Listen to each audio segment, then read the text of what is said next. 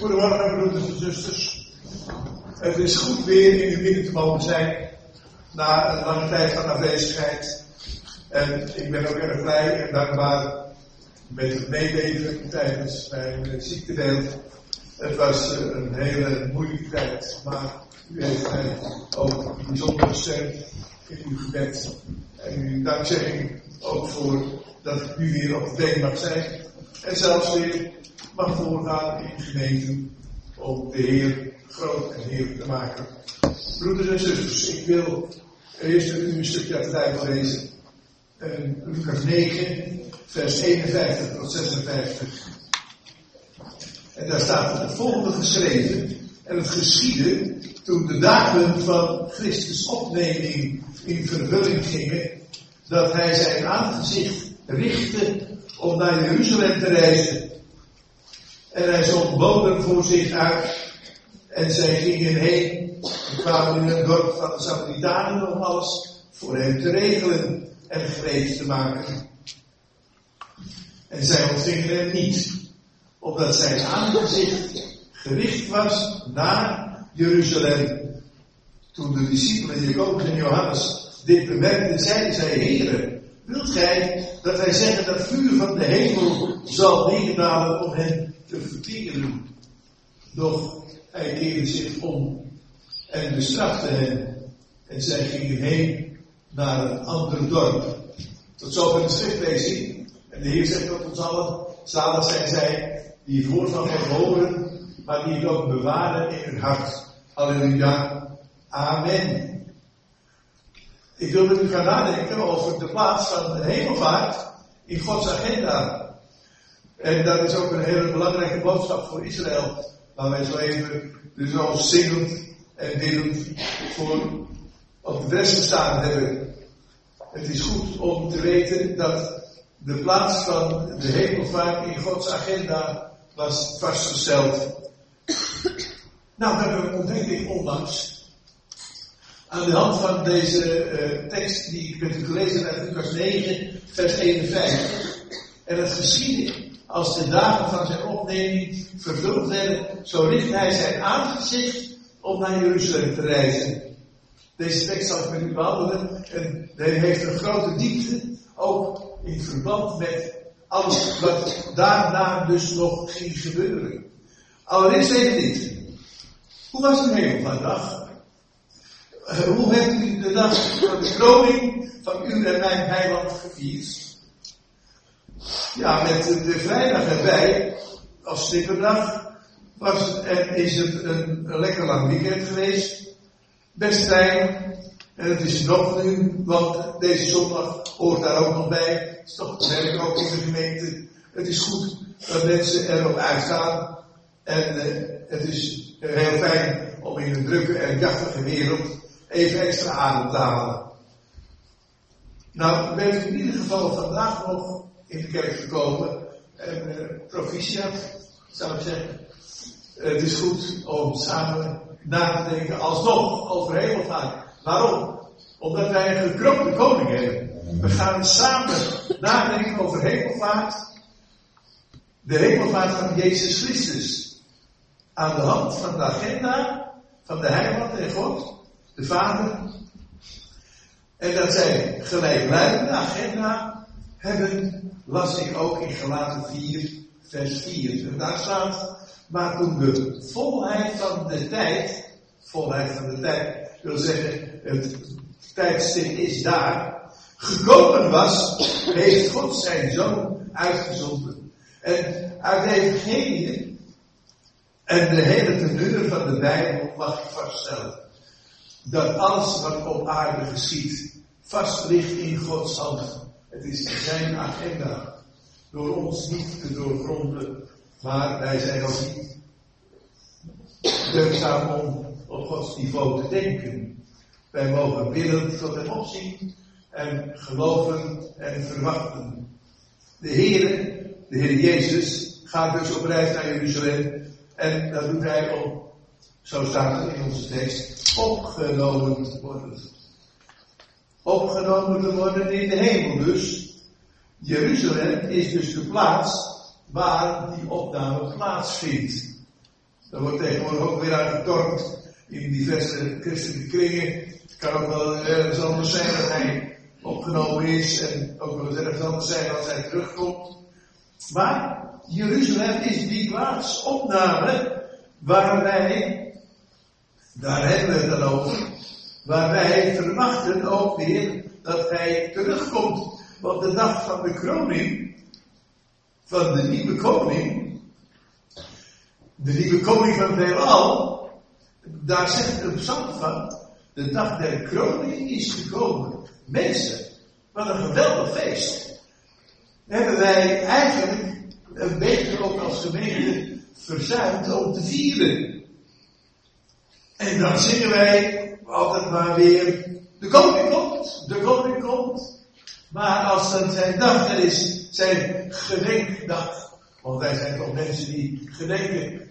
Er zijn maar weinig mensen hier, denk ik, die hun verjaardag niet vieren. Nou, uw verjaardag is ook een gedenkdag. En zo mogen wij dus ook die dag van de kroning van Jezus Christus ook vieren met elkaar. En de meeste kerken zijn op deze feestdag dicht. Maar toch, toch is de opname van Jezus Christus een feit. Het is zijn kroning. En als hij niet gekroond was, was hij niet onze koning. Niet de koning van Israël, niet de koning van onze gemeente, om samen met ons in de strijd te staan. En dan waren wij geen mensen die door de Heer werden gezegend en gesterkt. Hemelvaart. Jezus geestelijke reis doen via Jeruzalem naar de hemel. Want dat wil onze tekst zeggen. Het is ook voorlopig zijn aardse eind te doen. Die kroning, die hemelvaart. Het is zijn hoogtepunt. Wij verstaan onder de dagen van zijn opneming niet de kruisiging. Sommige mensen hebben dat ervan gemaakt.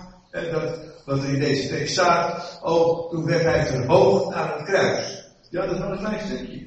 Maar het ging om de verhoging, want in de zin van een, opneming. Hij werd dus weggenomen. Een wolk nam hem weg, zo getuigt het schrift. Wij verstaan onder de dagen van zijn opneming, dus niet de kruisiging, niet zijn dood, niet zijn opstanding, ook weer een stukje opstanding, opstaan. Nee, rigoureuzer. Dat zijn ook de geweldige heilsfeiten die wij net ook genoemd hebben. Maar het gaat hier om zijn hemelvaart. Het wordt met eer en luister bekroond. Hij neemt plaats aan de rechterzijde van God de Vader. Ah nee, zegt iemand. Nee, hij gaat toch alleen maar even dat aardse Jeruzalem bezoeken. Onze tekst zegt dat hij, en dan moeten we goed opletten, zijn aangezicht richtte naar Jeruzalem. Met andere woorden, wat wil dat betekenen? In het Hebreeuws is iemand in de Bijbeltaal daarna gaat zoeken dat hij zijn aangezicht richt, dan wil dat zeggen een heel resoluute zaak. Een zaak ter afsluiting. Zonder pardon. Geen dubbele bodem. Dat besluit stond toen vast. Vast in zijn goddelijke agenda. En wat heeft God nu werkelijk in petto met Christus hemelvaart? Ach, broeders en zusters, Waarom schrijft hij het in zijn woord? Nou, heel veel christenen zien de Heer Jezus vandaag als de gekruisigde heiland. En dan ga ik tegen u zeggen, daar is helemaal niks mis mee. Maar, dat is niet zijn enige geweest. Hij is ook en zeker de gekroonde en levende en hemelse koning. Zoals we dat vroeger op categorisatie misschien geleerd hebben, de alomtegenwoordiger. Hij zit naast ons, hier in de kerk. Hij zit naast ons op kantoor. In de werkplus waar we mee bezig zijn, is hij aanwezig. Want wij zijn van hem en hij is van ons. We zijn met hem versmolten in één grote liefdeband. Want het lied zegt het niet onterecht met een eeuwig geliefde man. Leidt hij mij aan zijn hand en mijn naam staat ongedeerd in zijn handpalm gegraveerd. Broeders en zusters, een groot voorrecht wat u heeft gekregen toen u samen met hem bent gegaan in het bad der wedergeboorte, wat zowel met water als met geest wordt voltrokken. Hij zit dus altijd in onze buurt. En als wij tekortschieten, leert hij ons de volheid van de schrift. Geestelijk, en dat is door zijn geest en, en woord. En hij leeft. Zijn hemelvaart is een bewijs van dat hij leeft. Broeders en zusters, we hebben een levende heiland. Hij is aanwezig. Hoe kan hij dan aanwezig zijn als ik hem niet zie? Heeft iemand eens tegen mij gezegd. Daar kom ik op terug. Want waarachtig, lieve mensen, gaan met die zonde en schuld. Absoluut, altijd. Eerst naar de voet van het kruis. Doe beleidnis. En sta dan op. Met Jezus. En ga je leven met hem leven. En juist, juist op hemelvaart is er royaal plaats. Bijvoorbeeld om Jezus koningschap te vieren. En hem onze dank en aanbidding te brengen. En ik was erg blij vanmorgen met de, de gebeden die opgezonden werden dank en aanbidding brengen, zowel in het lied als met het woord. Het is zo'n geweldige, fijn en gezegende zaak als je daarin aansluitend met elkaar de dingen voor God stroombaar brengen. Want, ach, wij weten allemaal wel, wie zijn wij? Wie zijn wij als wij uh, in ziekte en in narigheid terechtkomen? Ik heb er zelf een voorbeeld van mee moeten maken. Niet om over naar huis te schrijven, broeders en zusters. Maar wel om over naar huis te schrijven is dat de Heer bijzonder goed voor zijn kinderen zorgt. Voor u en voor mij. En ook voor broeder Westerhof. We mogen de Heer daarvoor bijzonder dankbaar zijn. Broeders en zusters. Hem dus ook op zijn kroningsdag eer, lof en dankzegging brengen. Wij hebben het nu nog gedaan. En we mogen het blijven doen, dag in dag uit. Ik was uh, ruim twintig keer in Jeruzalem. Keurig volgens mijn agenda. Ja, Jezus was volgens zijn agenda in het land. En ging dus naar Jeruzalem. Volgens zijn agenda. En Jezus reisde resoluut naar Jeruzalem. En hij wilde opgenomen worden nadat hij zijn aardse taak had volbracht. Dat was de taak. U en wij te redden. Te redden van de volkomen ondergang. Van de eeuwige dood. En om onze plaats te bereiden. Naar Johannes 14. Ken je die belofte wel? Die de Jezus in Johannes 14 zelf heeft uitgesproken. Uw hart wordt niet ontroerd. Gij gelooft in God. Geloof ook in mij.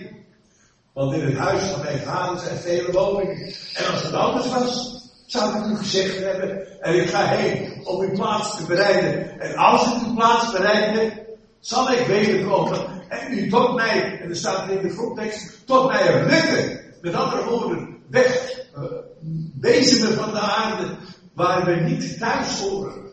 Want in deze aarde hebben we veel te maken.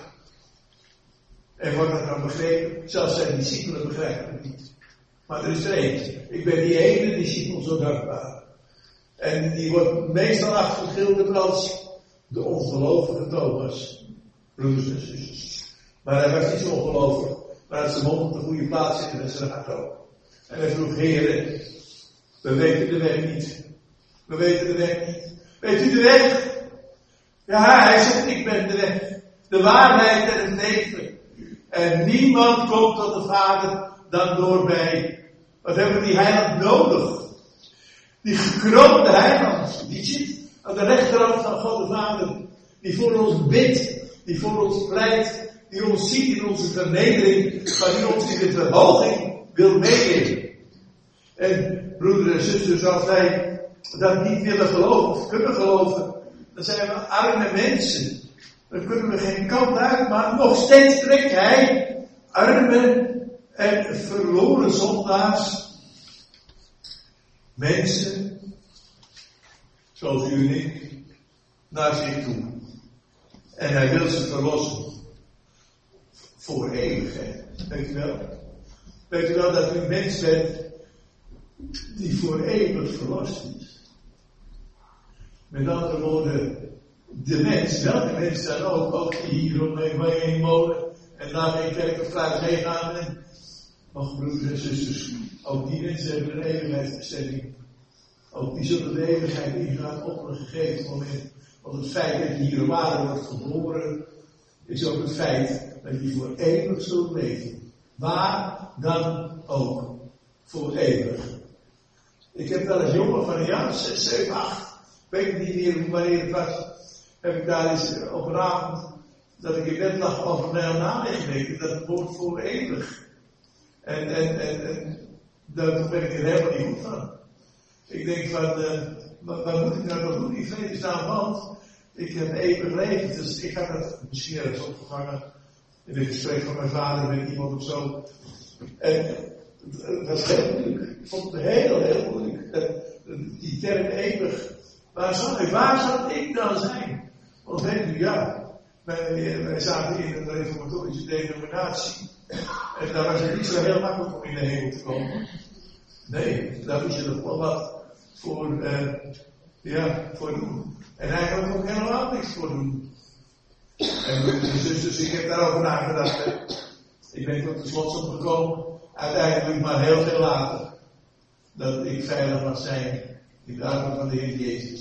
Ik heb er net van gezongen. Ik vond het prachtig dat er een eenvoudige liefde zo tussen stond. Veilig zijn in Jezus armen. Veilig aan Jezus hart. Zegt een ander lied, daar is zijn tere hart. Daar rust mijn ziel van zwart. Ja, als je het moeilijk hebt ook. Nog lieve mensen, in onze tekst zijn discipelen met Jezus op reis naar Jeruzalem. En zij maken zijn kruisiging mee. En het is de schrik van hun leven. Want daar ziet hun heiland hangen. Die had gezegd dat hij de geweldige koning van Israël was. En ze wisten niet waar ze mee van doen hadden. En broeders en zusters, dan is het naar om te zeggen, wat, ja, wat doe je daar dan mee? En dan komt er de opstanding achteraan. Ze waren helemaal het lood geslagen. Lees niet maar naar in die Bijbel. Ze wisten niet wat ze ermee aan moesten. Helemaal niet. En dat is ons voorbeeld. Deze mensen hebben ons het Nieuwe Testament gegeven. Om daarmee te leven en daaruit te leven. Maar ze zijn op de plek gekomen. Na zijn hemelvaart wachten zij op de Heilige Geest. Ja, en toen werd het rustig in, nee. Rustig in gebed en dankzij waren ze vergaderd. Zo leert ons de Bijbel. Wachtend op die Heilige Geest. Ja, dan schiet mij de, de, de, de, de lied in, in de gedachte dat een omkeer heeft God in hun leven gebracht. Sinds Jezus die woont in hun hart. Halleluja. Het is blijdschap en vrede.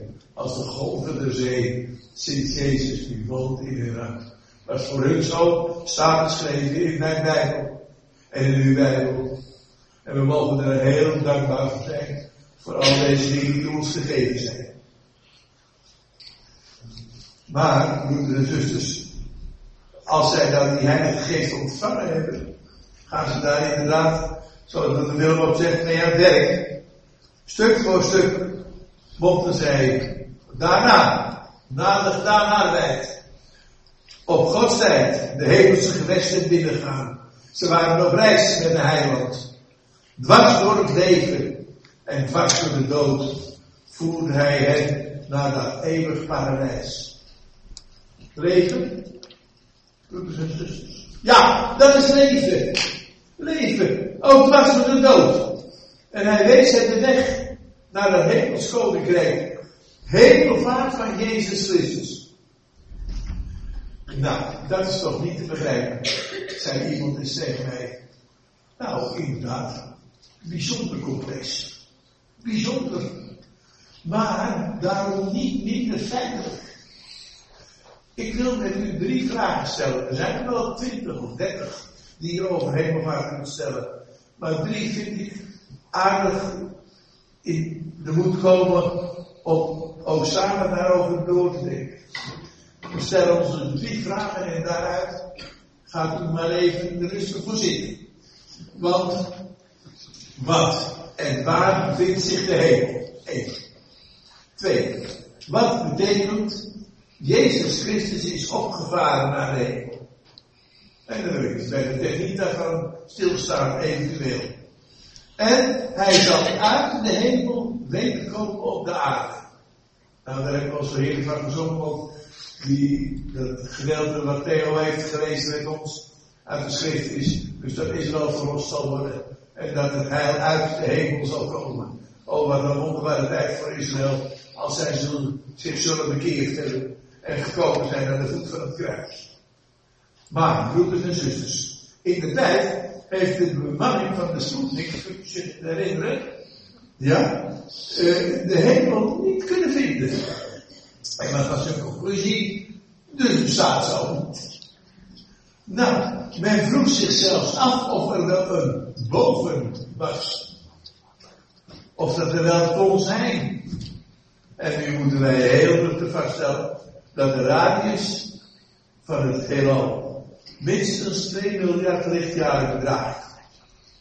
Laten we veronderstellen dat de Heer Jezus met de snelheid van het licht, dat is 300.000 kilometer per seconde, is opgevaren, dan is hij nog lang niet de hemelen doorgegaan, zoals beschreven staat. Want hij zou de hemelen moeten doorgaan. En bij God gearriveerd zijn aan Gods rechterhand. En ook nog niet gekroond als koning van het heelal. Maar de Bijbel leert, als woord van God, dat bij de steniging van Stefanus Jezus gezien wordt staande in een geopende hemel en dat hij vanaf zijn hemeltroon nog steeds grote en heerlijke wonderen verricht op aarde. Ja, dan wordt het toch wel een beetje van wels niet is. En niet is. Daar zijn wij mensen trouwens goed in. Nee, lieve mensen, dan moet er toch wat anders aan de hand zijn. En we zullen zien en we zullen geloven. God laat zich door de mensen niet vangen. Bij de torenbouw van Babel, kunt u zich dat herinneren, uit Genesis, eerste Bijbelboek, wilden ze God narekenen. Hij verwarde hun spraak. Bij de schepping hield God ook al rekening met menselijke calamiteiten ten aanzien van zijn bestuur. Natuurlijk, we zullen geen opmerking hebben tegenover onze bestuurders hier op aarde. En dat ook op de stuivaart daar laat staan. Dus hij die het gehele ral regeert. Hij is de schepper. Waarvan is hij schepper? Heeft u dat eens gelezen in de Bijbel? Van alle zichtbare en van alle onzichtbare dingen. Moeten we goed in de gaten houden. Niet alles wat wij zien is geschapen. Er is veel meer geschapen. Maar, dat heeft God het nog gehouden. En wat hij dus zichtbaar wil maken, dat doet hij dan ook. En dat zijn bijvoorbeeld zijn engelen als ze op bezoek komen. Maar ik noem u twee onzichtbare. Dat is de hemel en de hel. En de hel wil ik het niet over hebben. Is trouwens zelf weer aardige opspraak lees in mijn krant. Maar de hemel is er wel degelijk. Laten wij in ons geloofsleven niet misverstaan wat er staat in handeling 1 vers 9 tot 11 dat een waarachtig bijbelwoord is. Er staat dat hij ten hemel voer. En in handelingen 3 vers 21 staat letterlijk dat de hemel Christus moest opnemen. Moest gebeuren. Kon niet zonder. Iedere uitspraak die dat in twijfel brengt, broeders en zusters, is in wezen godslastelijk, durf te stellen. En in Psalm 2, vers 4 getuigt de schrift vast en zeker, hij die in de hemel heeft placht, hij spot met hen. Dat is in de tijd als de volkeren zich gaan verheffen tegen de Heer en tegen zijn gezalfde. De hemel heeft dan wel degelijk een plaats, maar onzichtbaar voor aardse mensen, ook voor ons. Als de bemanning van de Sputnik daar boven de deur van hun capsule hadden open gedaan, hadden zij zeker voor de hemel terechtgekomen. Ontegenzeggelijk. Maar als de ongelovigen voor eeuwig buiten gesloten worden. En broeders en zusters, als je buiten gesloten wordt, waar zul je dan zijn in de eeuwigheid? Voor ons geldt geloven. En ik heb een mooie tekst in de tijd meegenomen uit de slaapkamer van mijn ouders. Zij waren allebei overleden. En de spulletjes moesten wat verdeeld worden. En ik heb hem weer bij mij thuis opgehangen. Geloven is wachten in heilig vertrouwen. En die biddende wacht zal dankend aanschouwen. Wel, broeders en zusters, dat is ons eerste gedeelte. Het tweede gedeelte zal er korter over zijn. En het derde gedeelte helemaal korter over zijn, want de betekenis van Jezus hemelvaart hebben we al breedvoerig besproken. Het is een geestelijk gebeuren. Maar het wordt op aarde vertoond. Jezus ging terug naar de Vader in de hemel. En kennelijk was zijn taak volbracht. En met zijn kostbare bloed had hij de wereld teruggebracht. Uit de heerschappij van Satan. Maar op vaders tijd zal hij terugkeren naar de aarde. Om ook hier zichtbaar te heersen. Tijdens het vrederijk. Dat hij met ons zal richten in recht en in gerechtigheid. En zo heet dat in de Bijbel. En dat is heel wat anders als vandaag de dag in en met onze politieke chaos. Jezus zal dus ook een wederkomen op aarde. Jazeker. Shalom hebben we gezongen. Vrede zal er zijn. Shalom en nog een shalom. En we hebben het meerdere malen gezongen. En zodra je shalom, het woord shalom, meerdere malen gebruikt, gaat het over de goddelijke vrede. De goddelijke vrede die mensen mogen ontvangen. Zowel Joden als hen die zich tot de Heer wenden. Jezus zal dus leven komen op aarde. Kortemondig wil ik dit onderwerp afsluiten met de tekst uit openbaring 1 vers 7. En dan die lees ik met u.